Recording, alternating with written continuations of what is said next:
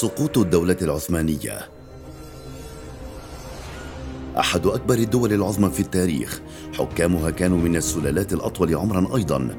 اتسعت إلى ما هو أبعد بكثير من حدودها الحالية ووصلت في أوج قوتها لتبتلع الشرق الأوسط وأجزاء من أفريقيا ومعظم أوروبا الشرقية. دولة عثمان أو الدولة العثمانية كيف صعدت إلى أن سقطت سقوطها المدوي؟ عثمان الغازي حيث تبتدئ القصة وكما يعرف بوالد الدولة العثمانية فهو الأول في سلسلة طويلة من القادة العسكريين والسلاطين الذين حكموا الدولة. ولد عثمان الغازي عام 1258 في سغوت في الأناضول وكان والده أحد أمراء الحدود. في ذاك الوقت كانت دولة السلاجقة المسلمين تعطي أراض واسعة لأمراء الحدود ومن ضمنهم والد عثمان. ليبلغ عثمان أشده ويقوم بقيادة بعض الإمارات الصغيرة بعد رحيل والده لكنه لم يكن راضيا عن إماراته لمملكة محلية صغيرة ليشكل جيشا من محاربي الحدود ويتقدم نحو معاقل الإمبراطورية البيزنطية في آسيا الصغرى فيقال أن طموحه كان توحيد العالم تحت حكمه. ليتتابع خلفاء عثمان على هذه الإمارات الصغيرة التي أخذت في التوسع داخل المعاقل البيزنطية ومع وصول أورخان بن عثمان للحكم بدأت النواة الصغرى للدولة الناشئة بالظهور وبدأ ببناء الجيش العثماني المخيف والذي أصبح مصدر الخوف للأوروبيين طيلة قرنين من الزمن. عاشت الدولة العثمانية عشر سنوات دون سلطان ذلك بعد دخول تيمور لينك الذي أسر السلطان بيازيد الأول لتعيش الدولة الناشئة الحرب الأهلية على الحكم بين أولاده الأربعة لينتهي الحكم إلى ابنه محمد الجالبي نهاية الأمر.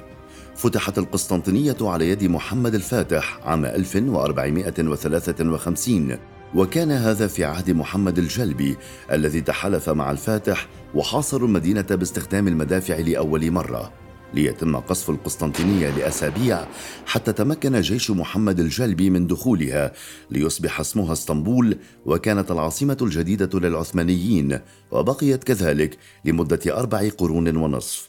فبإسقاط الدولة البيزنطية ولدت الإمبراطورية العثمانية. لتصل الدولة العثمانية أوج قوتها في عهد السلطان سليمان القانوني الذي حكمها طوال 46 عاما فاعتزم أن يجعل من دولته قوة أوروبية عظمى ذلك بعد سيطرة والده على مصر والمشرق الإسلامي. على الصعيد العسكري. شهدت الفترة هذه ذروة قوة الجيش العثماني كما كانت الإمبراطورية تتمتع بثروات هائلة. نتيجة سيطرة الدولة على طرق التجارة المصرية وطرق أوروبا المزدحمة اقتصاديا. فكان السلطان سليمان يقدم نفسه بصورة الحاكم العادل المسلم. فنشر المحاكم الإسلامية في جميع أنحاء البلاد التي بقيت سجلاتها لليوم في تركيا. ليكون حكم سليمان القانوني ذروة قوة الدولة العثمانية في كل شيء لكن بوفاته بدأت علامات الضعف بالظهور على السلطنة.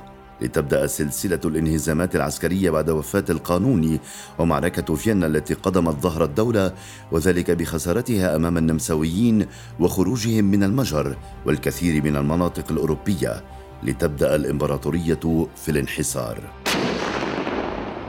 فبعد أسطورة الجيش العثماني الجرار توالت الخسائر والهزائم تضربهم من كل حدب وصوب طيلة القرنين الثامن عشر والتاسع عشر التي كانت فيهما الدولة العثمانية في مكان الدفاع والحماية لا الهجوم والتوسع. خاصة في ظل إعلان المزيد من الأراضي استقلالها عن الدولة العثمانية وانتزاعها من قبل القوى المجاورة مثل روسيا ليقوم محمد علي باشا بالاستقلال عن الدولة العثمانية في مصر ليتصارع معها حيث وصلت جيوشه أنقرة. لكن التحالفات التي جرت أدت بهجومه للفشل.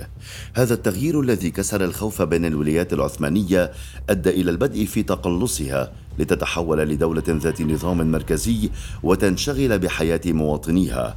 فقامت بزيادة الضرائب وافتتحت المستشفيات والمدارس العامة وترتفع الكثافة السكانية فيها خاصة بعدما أصبحت وجهة للمسلمين من الأراضي العثمانية السابقة والأراضي المجاورة.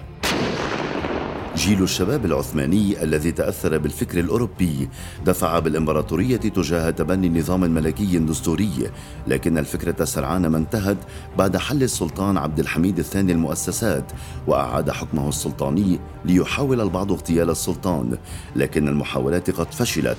وعلى الرغم من فشلها بدأ السلطان يتوجس الريبة من الشباب فكان ينشر مخابراته في كل مكان وهذا في ظل العداوة المتزايدة مع أوروبا لتقوم جماعة المعارضة العثمانية المتمثلة بجمعية الاتحاد والترقي بمحاولة استعادة الحياة الدستورية والحد من سلطات السلطان إلى أن انتصروا وطاحوا بالسلطان عبد الحميد الثاني عام 1908 لتنهار هذه الحركة بسرعة بعد انقسام الفصائل بين بعضها. زمن هذه الفترة العصيبة من حياة الدولة العثمانية اندلاع حروب البلقان عام 1912 التي فقد فيها العثمانيون ما تبقى من الأراضي الأوروبية. ومع اقتراب الحرب العالمية الأولى تحالف العثمانيون مع الألمان على أمل الحماية من عدوهم التاريخي روسيا لتنهزم الدولة العثمانية وحليفتها ألمانيا. فاستغلت العديد من القوميات الحدث وتنفصل عن الدولة العثمانية المهزومة. فاحتل بعضها من قبل فرنسا واحتل البعض الآخر من قبل إنجلترا ليبرز دور مصطفى كمال أتاتورك في الحفاظ على اسطنبول من الاحتلال اليوناني وقيادة حرب الاستقلال. كانت هزيمة الحرب العالمية الأولى المسمار الأخير في نعش الإمبراطورية العثمانية لكن السلطنة لم تحل رسميا حتى عام 1922 عندما وصل زعيم المقاومة القومية التركية مصطفى كمال أتاتورك إلى السلطة حيث أنشأ جمهورية علمانية عاصمتها أنقرة وليست إسطنبول. وفي ظل حكم حزب الشعب حاول أتاتورك محو كل أثر للمؤسسات العثمانية والرموز الثقافية فقد غير الأبجدية العثمانية من العربية إلى اللاتينية ومنع الحجاب وبعض الموسيقى الشرقية وأدخل إلى البلاد القوانين الغربية فوضع أسس تركيا الحديثة التي نعرفها اليوم. بهذا انتهت الدولة الإسلامية الأكثر شهرة على الأرض بطريقة دراماتيكية وغير متوقعة لمن عرفها وعرف مدى قوتها. بهذا انتهت الدولة الإسلامية الأكثر شهرة على الأرض بطريقة دراماتيكية وغير متوقعة لمن عرفها وعرف مدى قوتها.